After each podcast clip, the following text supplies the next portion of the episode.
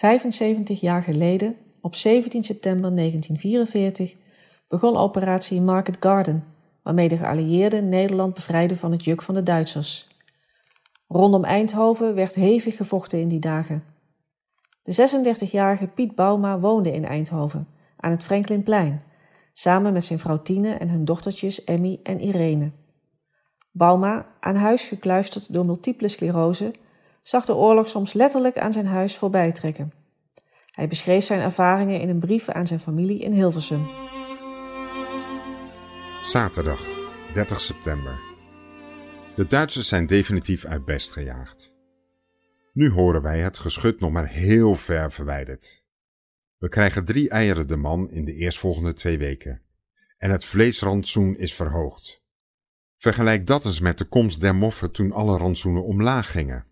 Maar de Engelsen gebruiken ook geen korrel Hollands voedsel, behalve wat ze soms door dankbare bevrijden wordt toegestopt. Hun voedsel, grotendeels in blik, hebben ze allemaal bij zich. Het meeste komt uit Amerika.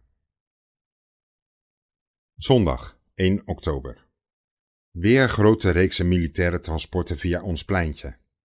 Ook door de lucht is veel verkeer. Het ene troepje van 24 na het andere. Allemaal grote bommenwerpers op weg naar Duitsland.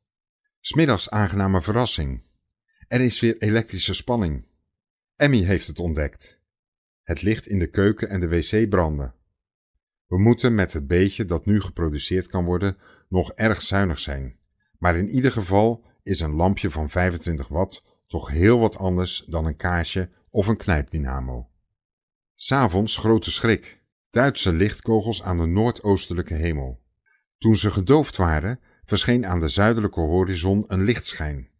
Volgens de Tommies, we hebben nu altijd militaire deskundigen bij de hand, een Engels toestel in nood dat een lichtkogel uitwierp om een noodlandingsterrein te zoeken. De Duitse lichtkogels werden gelukkig niet door bombardementen gevolgd.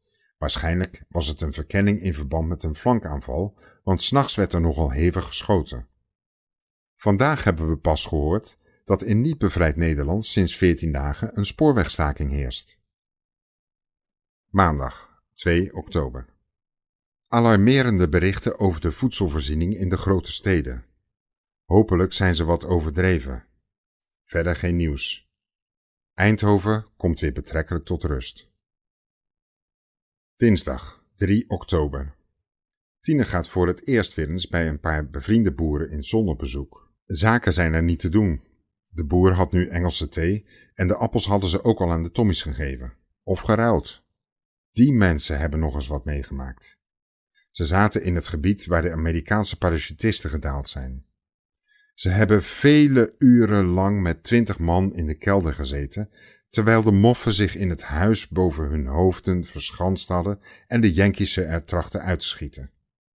Gelukkig hadden ze geen zwaar geschut tot hun beschikking, zodat het huis niet instortte. En toevallig ontstond er geen brand, in verschillende andere boerderijen wel. Toen de geallieerden de overwinning behaald hadden, konden ze allemaal ongedeerd tevoorschijn kruipen en de kogelgaten en dode moffen tellen. Een troost voor de doorgestane angsten was het idee dat ze een van de eerste bevrijden waren hier in de streek. Woensdag 4 oktober. Vandaag een wandelingetje gemaakt tussen de velden aan gene zijde van de bosdijk. Ik voel me de laatste tijd nogal fit en neem zo zoetjes aan weer een beetje beweging. Het is daar in de weilanden een waar tentendorp.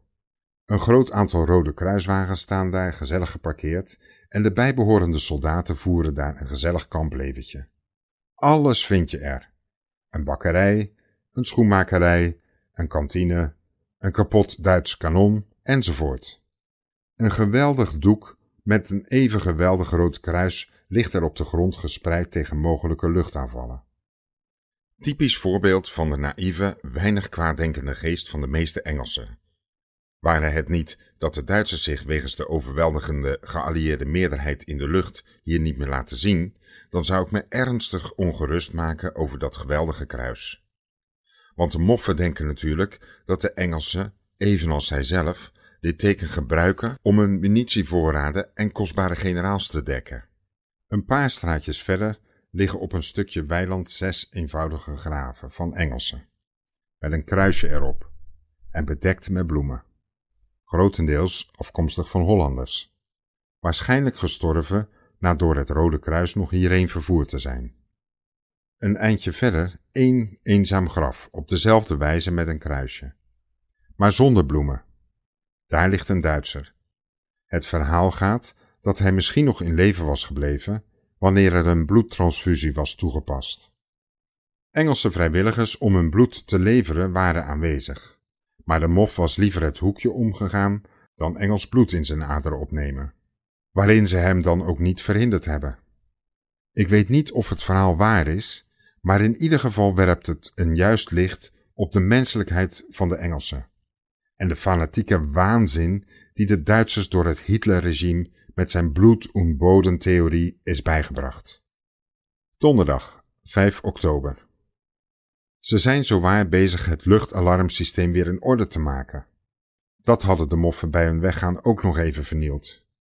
Een typisch staaltje van pesterij van de burgerbevolking, zonder militair doel. We schrokken wel even toen, net op ons dagelijks blokje om, onaangekondigd een proefalarm werd gemaakt. Maar we hadden het gauw in de gaten. Vrijdag 6 oktober. Dagelijks zien we grote zwermen bombardementsvliegtuigen overvliegen. Vliegen ze laag, dan zijn ze meestal bestemd om vlak achter de Siegfried-linie te bombarderen.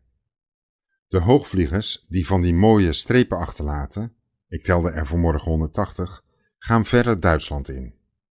Emmy vertoont met trots haar eerste losse tand. De scholen zijn nog steeds gesloten. Verlaging van het boterrantsoen, maar niemand moppert.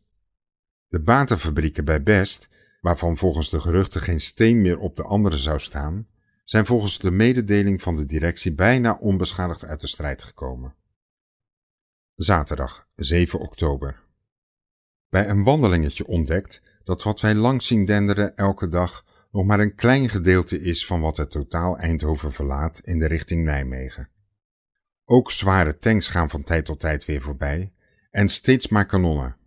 Gisteravond 20 zware tanks in richting Den Bosch. Oh, wat gaat het anders over het algemeen langzaam in ons land. Het zal wel niet anders kunnen. We hebben nog nooit zoveel soldaten in onze stad gehad. Op elk stukje weiland staan auto's en tenten. Tine was bij VND. Het krioelde er van Tommy's, die aanzichten en prulletjes kochten. Bij de bloembollenhandelaar kon het haast niet af van al de bulbs die naar Engeland en Amerika moesten gestuurd. In de krant, winkeljuffrouw gevraagd, vlot Engels sprekende, enzovoort, enzovoort. Ik heb ontdekt dat ik in dienst ben bij Philips Willemstad, Curaçao, bijkantoor Eindhoven. Het eerste nummer van de vrije Philips Courier ontvangen. Na het vorige bombardement, twee jaar geleden, verscheen ook een Philips Courier, maar zonder vrij ervoor. De Tommies spelen geregeld voetbalwedstrijden tegen de plaatselijke clubs. Alles ten bate van de slachtoffers van het bombardement. Zondag 8 oktober. Behalve het gewone militaire verkeer kwamen er vandaag over ons pleintje rollen 52 stuks van de allerzwaarste tanks, afmetingen zowat tweemaal jullie huiskamer, op 20 wielen binnen de metalen rupsband rustend. Op de bochten zijn de straatstenen zowat vergruizeld. Ze gingen richting Den Bosch. Het geschutvuur is nu zo verwijderd dat we alleen s'nachts nog wel eens wat horen in de verte.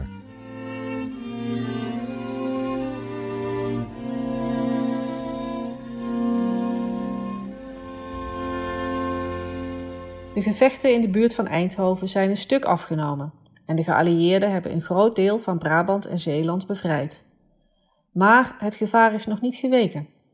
Dat blijkt als de Duitsers nog een keer hun tanden laten zien en vanuit Limburg een tegenaanval inzetten op Eindhoven. Meer hierover in de volgende aflevering van deze podcast.